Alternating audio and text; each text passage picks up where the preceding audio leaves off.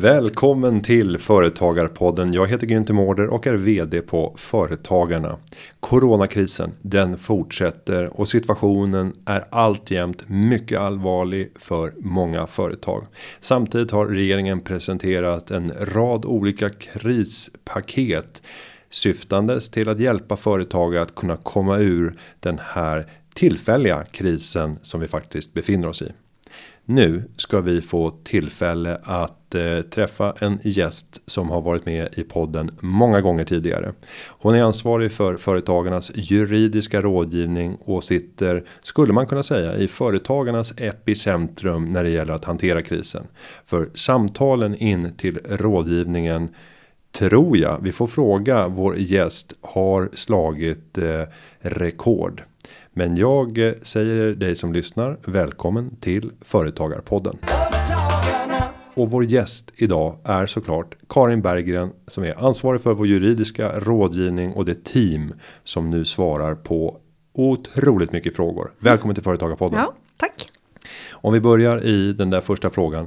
Eh, du har ju lång erfarenhet av det här och har varit med i tidigare kriser också har vi slagit tidigare rekord mätt som andelen företagare som nu mm. ringer in till rådgivningen? Ja, det är ju svårt att säga men i alla fall antal samtal på en dag har vi slagit rekord. Vi har ju haft 160 samtal per dag under några dagar. Eh, och det har vi inte haft så mycket förut. Ja, och då är det sju stycken, nu är det åtta jurister som svarar på frågorna. Och för att få tala med dig och de andra juristerna så kan man ringa in 0771 45 45 45 mellan klockan 8 och 7 16.30 16.30 8.30 16.30 Eh, så det ingår för, för alla medlemmar i företagarna. Och då är det kostnadsfritt att kunna eh, ta det samtalet. Om allting går att lösa över telefon så eh, ingår det i, i medlemskapet.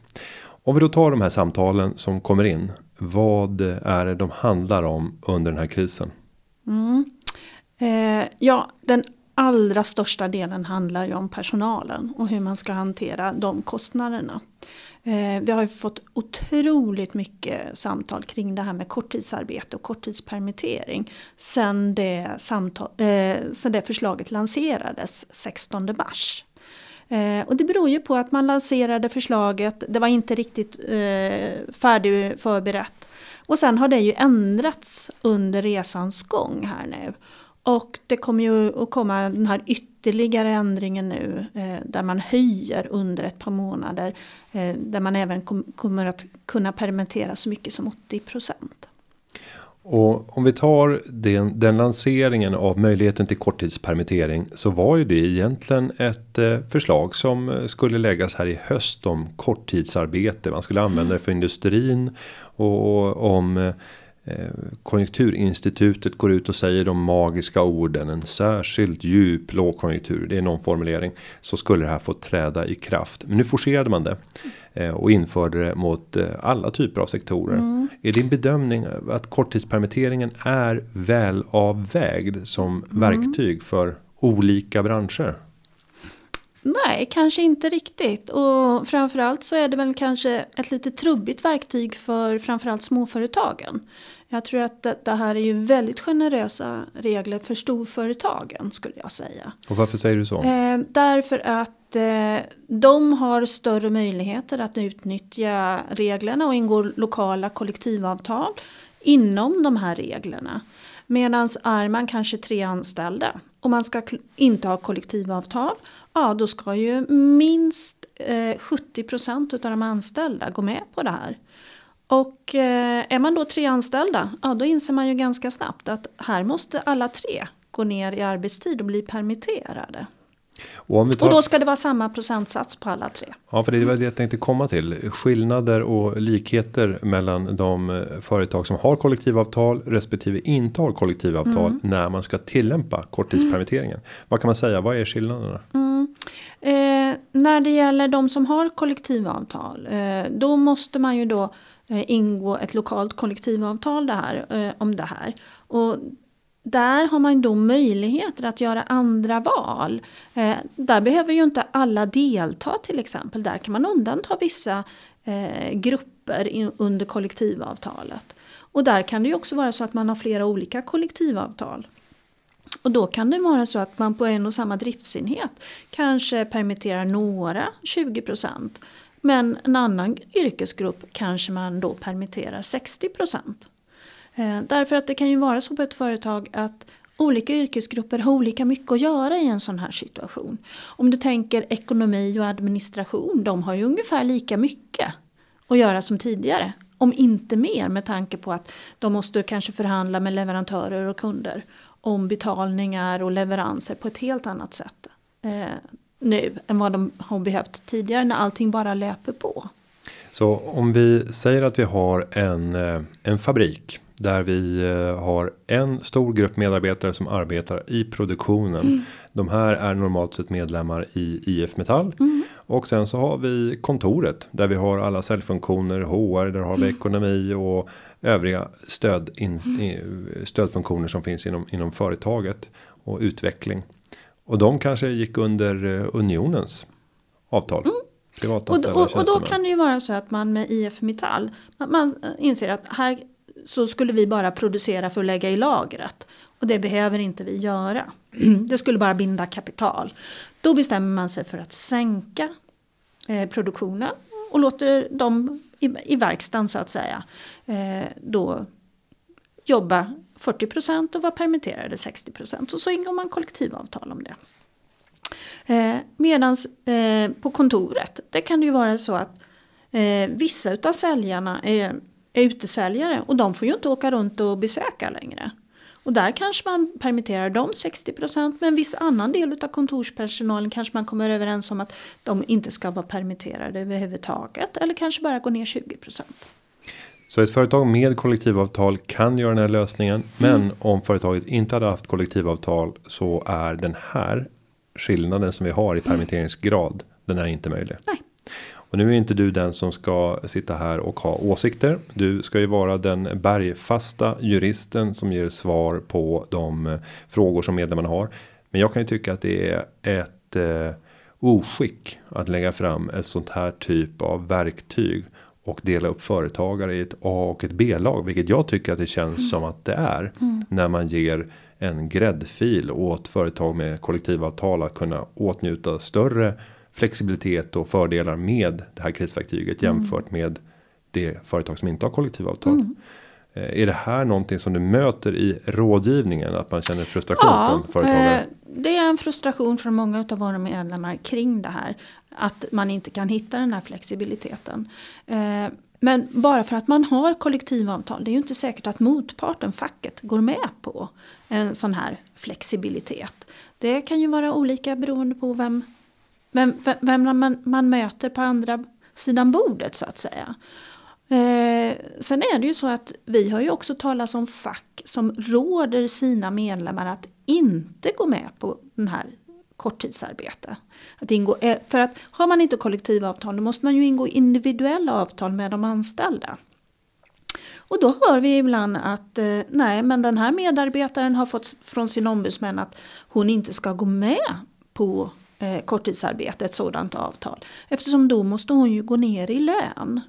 Och det här att de anställda går ner i lön, det är ju en viktig funktion från lagstiftarens sida. För att se till att det bara arbetsgivare som verkligen behöver det här stödet som kommer att använda sig utav det. Därför att de anställda går ju ner i lön om de inser att alternativet är ju att neddragningar och att folk blir arbetslösa. Och eh, nedgången i lön när vi tittar på på lön före skatt. Den är 92,5% av ordinarie lön. Mm. Och när det är så att man går ner 60 i tjänst. Och, om man går ner 80% då. Då är, ligger förslaget på att den anställda ska gå ner 12% i lön. Mm. Så det blir 80-80 av ordinarie lön. Men eh, fortfarande att arbeta 20% och få 88% av lönen. Eh, det är ju en eh, en synnerligen attraktiv situation. Alltså det är ju mm. ingenting som jag skulle kalla eh, kris för mig som individ om jag råkade ut för det. Mm. Ja men eh, nu tänker du utifrån din vd-lön Ginter. Det finns folk som kanske har en månadslön på kanske 20 000 och har tre barn att försörja som ensamstående. För, för dem är det ju en mycket tuffare situation att gå ner 12% i lön. Mm. Och nu skulle jag, eh, och det, det, ska vi inte ägna avsnittet åt, men utmana där och säga om man plötsligt får 80% av all sin tid som man normalt går till jobbet mm. tillgänglig så kommer man kunna sänka sina omkostnader ja. i livet något avsevärt för att helt plötsligt så kan du till och med baka ditt eget bröd vilket kommer sänka kostnaderna med 80% på brödet. Du kommer kunna planera dina inköp. Du kommer kunna titta på var är det du ska gå till olika butiker för att bara mm. köpa lockvarorna och gå till fem olika butiker. Du ägnar en hel dag åt att göra inköpen så att den ekonomiska fördelen skulle jag hävda. Nu ska vi inte brottas i den delen är ju överlägsen. Mm. Alltså jag skulle vilja hävda att även en, en låginkomsttagare med 17 000 kronor i lön skulle till och med tjäna på att gå ner till 20% arbetstid om man fick 88 av, mm. av lönen. För du kommer komma så mycket bättre mm. ut genom dina smarta inköp som du kan göra. Och lägga ner massa arbete på saker som du annars köpte som halvfabrikat. Mm. Men vi lämnar, vi lämnar den frågan hän. Och fortsätter kort, korttidspermitteringens djungel. Vilka är de största problemen när en företagare ska ansöka om korttidspermittering? Mm. Ja, alltså det handlar ju om att förstå hela regelverket kring det här. För det är ju väldigt mycket detaljer som är svåra. Eh, för att eh, dels det här att man ska räkna de här 70 procenten. Vad räknar man 70 procent? Och vad gör man med de som är nyanställda men som man måste ha kvar därför de har nyckelfunktioner? Eh, ja, de får man ju ha kvar men de ska man ju fortfarande betala full lön för då. De som då inte har varit anställd tre månader innan. Eh, så att eh, det, det är ju mycket fr sådana frågor som kommer in. Och det här, här måste man ju ta ställning. Hur mycket jobbar personer? Och ja, det är ju väldigt enkelt när det är folk som har heltid och har en fast arbetstid på 40 timmar i veckan eller jobbar deltid och har en fast tid på 20 timmar i veckan. Det är ju inga problem. Men eh, vi har ju väldigt många som jobbar väldigt flexibelt. Eh, till exempel de här som man brukar kalla för timanställda. Eh, oftast handlar det ju om deltidsanställningar tills vidare. Där man då kanske har avtalat om 30 timmar i veckan. Men sen vissa veckor så jobbar de 35 timmar eller 40 timmar till och med. Eh, och hur mycket är då deras ordinarie arbetstid? Eh, och en del är, är, ju väldigt flexibla där och går upp och ner i tid. Och, och då kan man ju också hamna lite skevt i systemet. Eh, det kan ju också vara så att eh, man måste ju också då räkna fram i det här systemet vad är det som är ordinarie lön. Och då har vi ju problem med alla de här som har en löpande provision i sina löner. Eh, de som fick bonus utbetald och sådana saker, det ska ju inte räknas in. Eh, eller en tillfällig övertid räknas heller inte in. Men de som har löpande, har OB-tillägg eller provision, där ska ju det här räknas in. Och det är inte helt alltid lätt hur man ska hantera det här. Och sen hur ska man hantera de som är deltidssjukskrivna eller deltidsföräldralediga. Eh, personer som har varit långtidssjukskrivna men nu är på väg att tillbaka i tjänst. Så att eh, det finns mycket man kan räkna på här. Eh, fram och tillbaka och, och, och, så vidare. Och sen så är det ju det här det är ju den allmänna osäkerheten som råder just nu. Vi vet ju inte hur länge det här kommer att pågå. Eh, ja, det kanske är så att Eh, det händer saker som gör att i, i verksamheten man kan komma igång med verksamheten på något sätt. Och då behövs ju personalen igen. Eh, det kan ju också vara så att eh, det blir ytterligare nedgång så man kanske måste permittera ännu mer. Och hur hanterar man det? Sen tänker jag på alla de här jobben som har blivit allt mer vanliga. Och det är att du inte vet när eh, startar och slutar mitt jobb mm. och hur många timmar arbetar jag. Det är många som inte ens kan uttrycka det för att livet flyter ihop mm. och det finns inget start eller stopp eller slut på arbetet mm. utan uppgifterna är liksom kontinuerliga och man blir permitterad. Låt oss säga ner till 40% Du ska arbeta 60 och vara ledig 40 av tiden. Mm. Men det finns arbete att göra. Jag sitter hemifrån och gör de här arbetsuppgifterna. Eh, när man sitter hemma och arbetar. Jag vet ju nu efter alla de här veckorna. Man blandar ju rätt saligt. Mellan arbete och privatliv.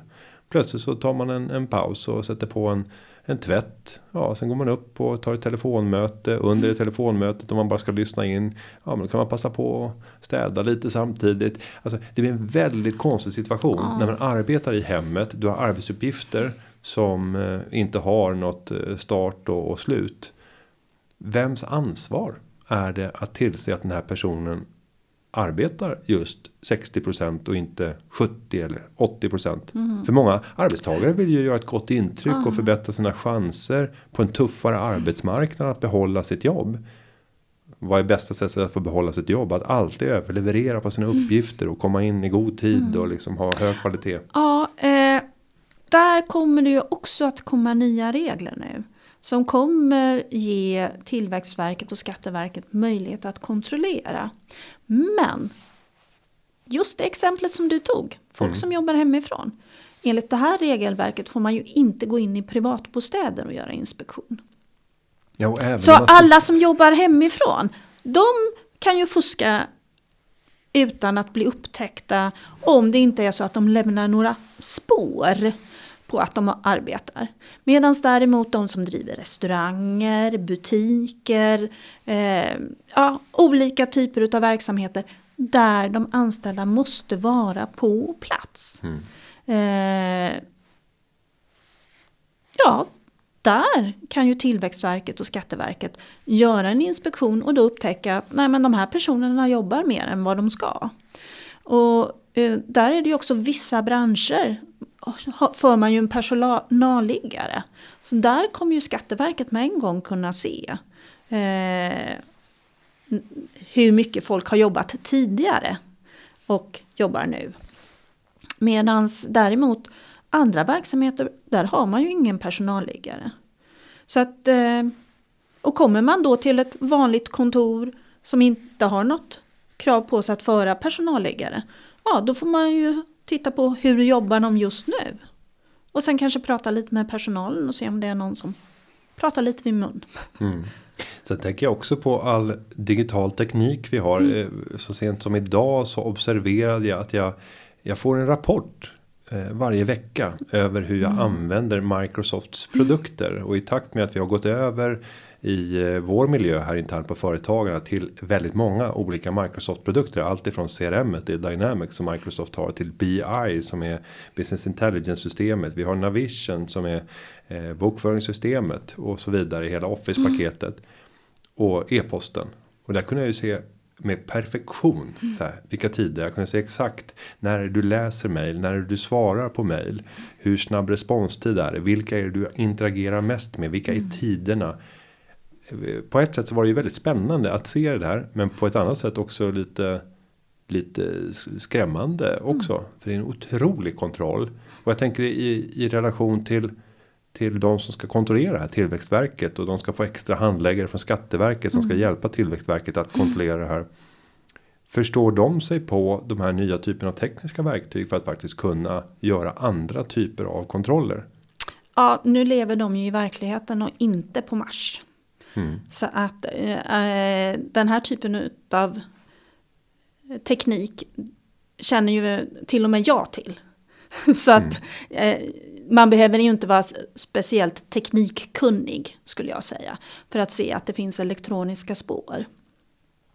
Kan de kräva ut att få de här typerna av filer? Inte, jag kan faktiskt inte svara på hur, hur mycket de kan begära ut där. Mm. För att här måste man ju också väga det här mot den personliga integriteten. Eh, alltså bara för att det här är en extrem situation så slutar ju inte GDPR att gälla. Utan det här är ju perso personuppgifter det handlar om. Eh, så att... Eh, ja, i oerhört detaljerad form. Mm. Det kan ju kartlägga människors fullständiga liv nästan med, med bara att titta på arbetsverktygen och hur man ah. använder dem. Men vi tar en liten paus där när det gäller eh, permitteringsverktyget och går vidare till hyresrabatten. Man presenterade från regeringens sida att man avsatte 5 miljarder kronor där fastighetsägare och hyrestagare skulle få möjlighet att kunna förhandla fram en nedsättning av hyran med upp till hälften och då ska staten gå in och ta hälften av den hyressänkningen. Hur har det här fungerat och vilka frågor är det som dyker upp från Mm. medlemmarna? Eh, ja, eh, det vi har hört från medlemmarna är ju att det är inte alla hyresvärdar som vill gå med på det här. Eh, sen är det ju också så att det är ju bara vissa branscher och då har man delat in det efter SNI-kod, alltså det här Svenskt Näringslivsindex. Som anger vilken bransch man är i. Eh, och det är ju många branscher som är i extrem kris som inte finns med uppräknat på den här listan som har gått ut då. Till vilka hyresvärdar som då Hyresvärdar som är ute hyresgäster med den här SNI-koden ska då alltså kunna få kompensation med halva sin sänkning. Ifrån staten. Men eh, där är det ju ett problem då att många branscher ligger utanför de här uppräkningen. Eh, det är inte alla hyresvärdar som tycker sig ha råd med den här hyressänkningen. Sen är det ju andra hyresvärdar som har varit väldigt generösa och gått ut mycket bredare än den här SNI-kodlistan. Eh, det finns också hyresvärdar som erbjuder andra hemsnickrade lösningar eh, som då inte kommer att ge någon kompensation enligt det här stödsystemet till hyresvärden men som ändå ger en lättnad för hyresgästen.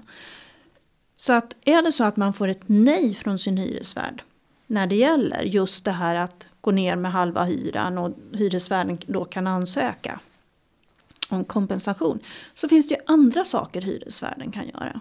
Det kanske är så att man har kvartalshyra. Man talar, avtalar om tillfället att man går över på månadshyra. Så att det, det blir mindre belopp som ska ut varje gång.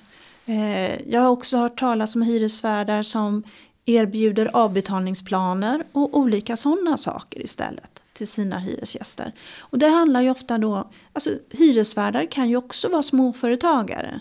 Det är inte alltid hyresvärdar är de här riktigt stora bolagen med de stora kassorna som kan tappa det här. Och om vi eh, ser till ett företag som råkar befinna sig i rätt SNI-kod. Man är i en bransch där Ibrahim Baylan har pekat och sagt att ja, det är de här branscherna som ska omfattas. Kan man då ställa krav på sin hyresvärd att man ska få en sänkning? Nej, alltså från hyresvärdens sida är ju det här frivilligt om man ska gå med på det. Eh, Så att, eh, och hyresvärden ska, kommer ju ändå att vara tvungen att finansiera halva sänkningen själv. Eh, så att det är ju inte alla hyresvärdar som går med på det. Och det här är ju frivilligt, även om de sen blir kompenserade. Och om vi ska ge ett litet åsiktsraster på det här från företagarnas sida så har vi varit rätt tydliga med att det här var vad vi tycker inte är rätt använda pengar. Att låsa in det i en lösning och avsätta 5 miljarder för att potentiellt skapa rätt många konflikter ute på hyresmarknaden mellan företagare. Eftersom du har företag som hyr ut lokaler till andra företagare. Det är inte rätt väg att gå. Vi hade mycket hellre velat se att man hade struntat i den reformen, tagit de pengarna och istället placerat det i ett vad som brukar kallas omsättningsstöd. Alltså de företagare som har tappat mest av sin omsättning får ett omsättningsstöd, kostnadsstöd för att kunna täcka fasta kostnader där hyran är en sån kostnad. Men det finns ju vissa som faktiskt har sparat pengar varje år istället för att dela ut för att sen kunna köpa sina verksamhetslokaler. Om man är man ägare av sina egna verksamhetslokaler då är ju det här stödet helt verkningslöst. Och den företagare som har köpt sina lokaler har ju sannolikt gjort en större insats för att bidra till stabilitet och byggt upp större tillgångar i sitt företag för att klara en motståndskraft i ett samhälle av kris. Ett sånt företag borde ju inte straffas och inte kunna nyttja ett verktyg. För att kostnader finns ju ändå där. Man har valt att ta kostnader på ett annat sätt. Eh, genom att inte ta ut någon ersättning kanske till sig själv via utdelning under årens lopp. Eh, nu verkar det som att företagarna kommer att kunna vinna framgångar med ett sånt här omsättningsstöd. Vi sitter nu och fidar feedar in kommentarer och synpunkter på hur utformningen skulle vara. Och min bedömning är att det här kan komma att lanseras kanske redan innan månadsskiftet. Det är vår, vår förhoppning. Men eh, om vi tar nästa stöd och går vidare på arbetsgivaravgifterna. För den är ju eh, någonting som träffar alla företag.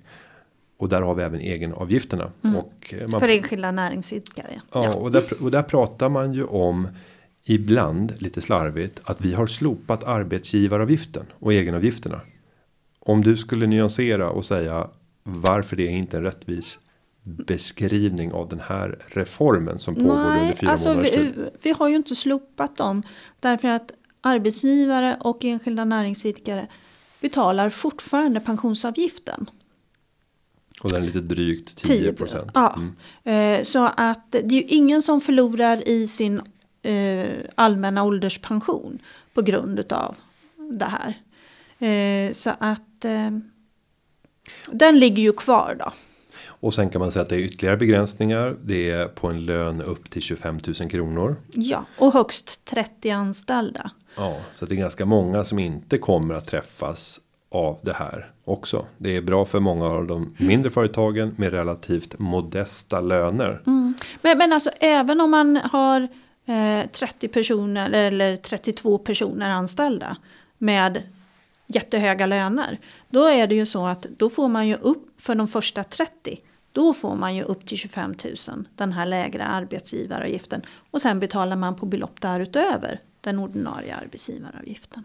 Och då kan man för enkelhetens skull säga att för varje medarbetare som har en lön överstigandes 25 000 kronor så får man 5 300 kronor i kan man säga nedsättning under den här fyra månaders perioden som man har valt då mars, april, maj, juni. Och eh, där har det ju funnits krav om att man borde gå längre. Både Svenskt Näringsliv och även Moderaterna har ju tyckt att man borde gå över hela linjen och slopa arbetsgivarna helt och göra det eh, sannolikt för en längre period.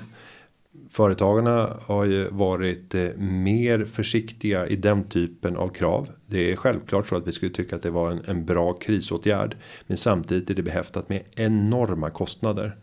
Och samtidigt är det här någonting som skulle träffa alla företag. Och alla företag om vi ska beskriva verkligheten har inte drabbats lika hårt av det här.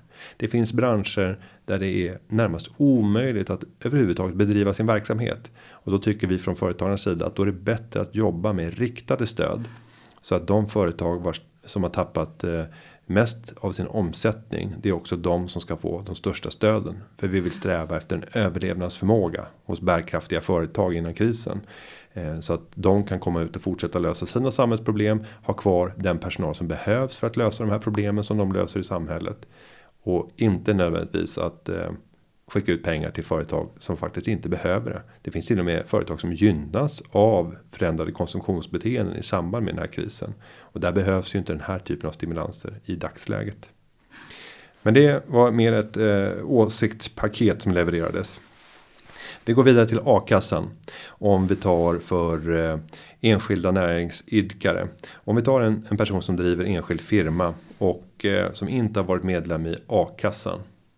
Hur ska man tänka nu? Är det för sent att komma på? Är det som att köpa en teckna en brandförsäkring när huset redan brinner? Ja, eh, där är det ju så att man kommer ju att uppfylla det så kallade medlemsvillkoret. Alltså man ska ha varit medlem i en a-kassa i 12 månader för att inte bara få den här lägsta a-kasseersättningen eh, utan få en a-kassa som är beräknad på de inkomster man har haft.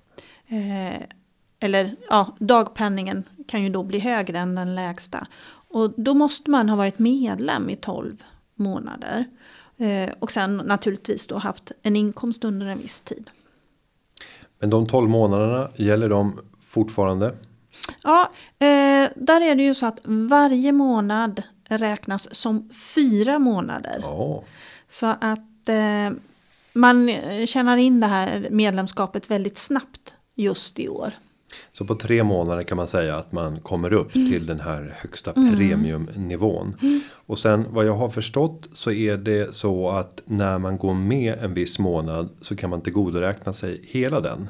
Så att nu befinner vi oss när vi spelar in det här i slutet av april. Så går man med nu i slutet av april så får man tillgodoräkna sig hela april. Ja. Och sen har du då bara maj och juni. Så att första juli skulle det kunna vara up running med eh, den eh, fulla försäkringen som det här innebär. Vad är det man ska tänka på som som enskild näringsidkare när det gäller företaget? Ja, där är det ju så att man måste ju antingen lägga ner verksamheten helt och hållet eller åtminstone lägga det vad man kallar för vilande. Eh, och där brukar vi ju alltid rekommendera de som tänker lägga sitt företag vilande att prata med den a-kassa de är medlemmar i för att få reda på exakt vad det är som den a-kassan begär i form av intyg och liknande. För att eh, man då ska kunna visa att man inte bedriver någon verksamhet längre överhuvudtaget. Man får ju bara göra de här åtgärderna som man absolut måste göra. För att inte saker och ting ska förfaras eller ja, till exempel sköta det här med att eh, bolaget skickar in sin inkomstdeklaration. Så praktiska saker kopplat till våra myndigheter och rapportering helt mm. okej. Okay, men. Eh, det, inte marknadsföra, inget man får sådant. Inte, ah, ah. Och, och det får inte. Om man tänker ägna tiden åt att affärsutveckla. Om vi säger att vi nyttjar a-kassan och så tänker vi så här att ja, men under den här perioden så kan jag ju börja tänka ut vad ska jag göra när bolaget väl sätter igång. Och kanske börja skissa på lite nya affärsidéer eller nya koncept som man skulle kunna lansera efter krisen. Nu känns det som att vi är inne på en gråzon eller? Ja. För att så ser det ju oftast ut inför en företagsuppstart. Ja. Man, man, sitter kanske i åratal och håller på och skissar på vad man tänker göra mm. när man mm. startar igång sitt företag. Ehm, och det är ju väldigt svårt att dra gränsen. Vad är, alltså är det helt förbjudet att tänka företaget? Det är ju självklart inte. Du måste ju få tänka, du måste få tänka din framtid, din framtida försörjning. Skapa förutsättningar mm. för det. Men det viktiga är väl att det inte sker en ekonomisk aktivitet. Ja och framförallt, ja eller att man inte gör någonting som kan kopplas samman. Så att du får ju inte ens marknadsföra Nej. ditt företag under den här perioden. Nej, och, man och det kan ju vara lite kontraproduktivt. Därför att man vill ju ändå att företaget så småningom ska komma igång mm. Men om man då plötsligt. Eh, låt oss säga att vi, vi har lagt bolaget i vilande mm. tillstånd. Mm. Vi bestämmer oss för att nu går vi ner. Jag nyttjar a-kassan. Jag har kört de här tre månaderna som jag fick multiplicera med fyra. Så jag har kommit upp. Det är första juli. Eh, och sen så händer det någonting i slutet av juli. Jag kommer och får en förfrågan som innebär att vänta nu. Nu kommer jag kunna ha 40 beläggning om jag tittar på min möjlighet att fakturera. Jag kan kunna få ut 40% av det värdet jag behöver för att kunna försörja mig på det här bolaget under augusti. Hur ska jag tänka kring det uppdraget? Kan jag mm. kombinera att bara jobba lite grann och sen så tar jag kanske lite mindre från a-kassan? Nej, alltså företagare kan ju inte vara deltidsarbetslösa. Anställda kan vara det, men inte de som räknas som företagare. Det vill säga de med eget AB eller enskilda näringsidkare. Och återigen så får man väl konstatera att det är en, en stelbenthet som inte riktigt rimmar med verkligheten. För den här mm. typen av situationer kommer ju självklart att kunna uppstå. Och samtidigt så vet vi att korttidspermitteringsverktyget det får inte tillämpas på ägaren själv av en enskild firma. Nej. Och, och, och det är ju återigen en, en diskriminering. Du kan ha en, en företagare som bedriver sin verksamhet i enskild firma, låt oss säga en solokonsult mm. som hyr ut sig själv och kanske föreläser och utbildar. Om du gör det inom ramen för en enskild firma, då får du inte korttidspermittera dig själv, även om du har blivit av med, med 80% av alla jobb som mm. finns och du hade 20% kvar som du kunde leverera digitalt. Men om du hade drivit ett aktiebolag, då hade du fått korttidspermittera dig själv. Ja. Och det här är ju olyckligt och det kan jag säga är en fråga som vi driver från företagarnas sida. För att få till stånd en rättvisa mellan företagsformerna. Vi vet också när det gäller företagsformer att enskild firma är kraftigt överrepresenterad som företagsform eh, bland kvinnor. Det är långt många fler mm. kvinnor som väljer företagsformen enskild firma före aktiebolag. Eh, jämfört med när vi tittar på aktiebolaget. Om vi går vidare och tittar på sjuklönekostnaderna för det är ju också en sån fråga där staten har gått in och nu tar över sjuklönekostnaderna för de här två första veckorna där företaget normalt har ett, ett ansvar. Eh, gäller det här även för företagaren själv eller är det bara för de anställda? Mm. Ja, har man enskild firma då är det ju så att då får man ju sjukpenning de första 14 dagarna. oavsett hur lång karenstid man har anmält. Man kan ju anmäla en karenstid som eh, kan vara väldigt lång som enskild firma. Men eh, den karenstiden för sjukpenning gäller alltså inte under de första två veckorna. Utan då får man istället en, eh, ja, eh, ja, en speciell ersättning jag tror den ligger på 804 kronor per dag för enskilda näringsidkare. Då så gör man ju som vanligt, man anmäler sig sjuk till sitt eget aktiebolag som betalar ut sjuklön och gör ett karensavdrag. Eh, sen eh, så är det ju som så att eh, så man kan ju ansöka om ersättning från Försäkringskassan för första dagen i sjuklöneperioden. Eh, sen eh, kan man, eh, kommer ju företaget att redovisa sina sjuklönekostnader i arbetsgivardeklarationen. Och då kommer man få en utbetalning för sjuklönekostnaden från Försäkringskassan. Mm. Om vi sen går vidare till det som väntar och rycker allt närmare så är det ju semestertider. Mm. Och tar vi då för den gruppen företagare som inte upplever sin högsäsong under semesterveckorna. Mm. Vad har ni för generella tips kring hur man ska tänka kring semester och planera för det här i år? Det är en väldigt unik och annorlunda mm. situation. Mm. Ja, det är ju att planera ändå som vanligt. Och där är det ju som så att huvudregeln är ju att arbetsgivare och arbetstagare kommer överens om när semestern ska förläggas. Eh, men här kan det ju vara så att nu kan man inte ta in semester, man har inte råd att ta in semestervikarier längre på samma sätt som tidigare kanske. Så här kan det ju vara så att man i fler fall än tidigare måste som arbetsgivare gå in och fördela ut så att man hela tiden ändå har bemanning. Eh, och då ska man ju, när man så att säga tvångsförlägger semester, då ska man ju säga till två månader i förväg. Så det gäller ju att vara ute i god tid som arbetsgivare. Och då ska man lägga ut fyra veckor sammanhängande under perioden juni, juli, augusti.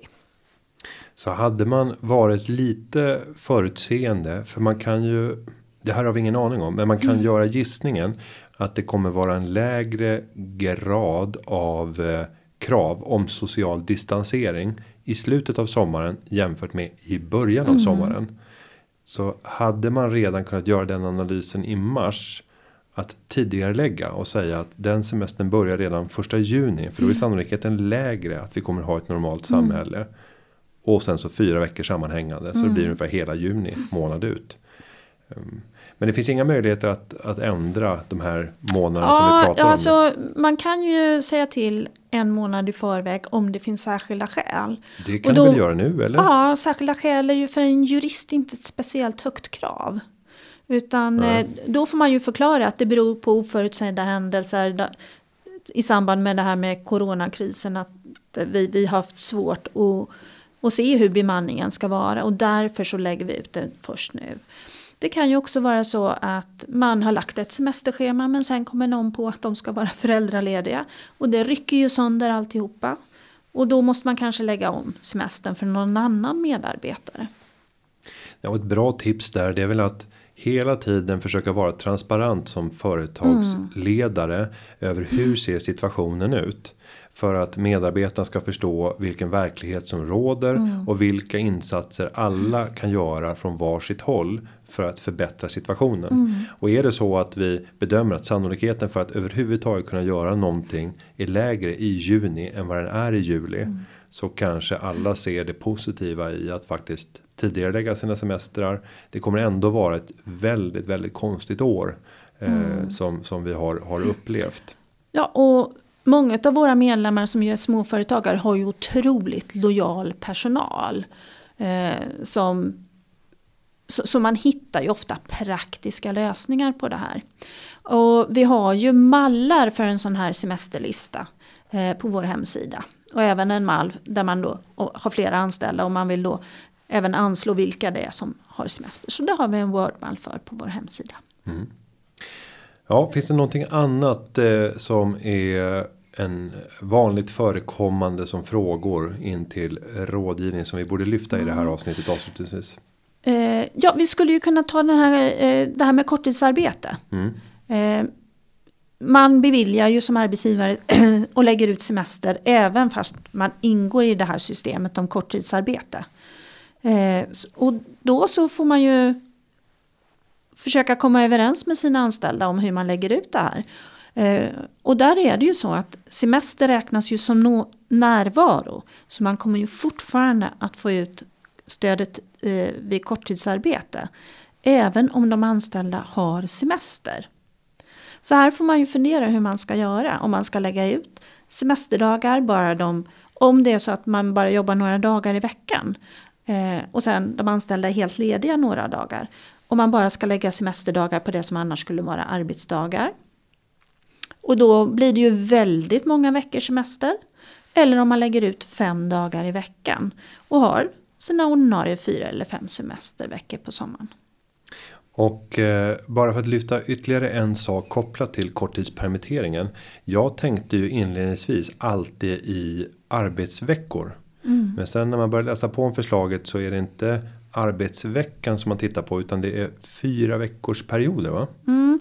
Ja, eh, där beror det ju, man, man tittar ju på arbetstiden hur den beräknas. Och har man inte kollektivavtal då är det ju fyra veckor eller en månad normalt som man tittar på arbetstid enligt arbetstidslagen. Medan det finns ju en del kollektivavtal som kanske har 16 veckor eh, eller ännu längre period där man räknar genomsnittlig arbetstid. Och Tillväxtverket har ju gått ut med att de tittar ju på hela avtalsperioden.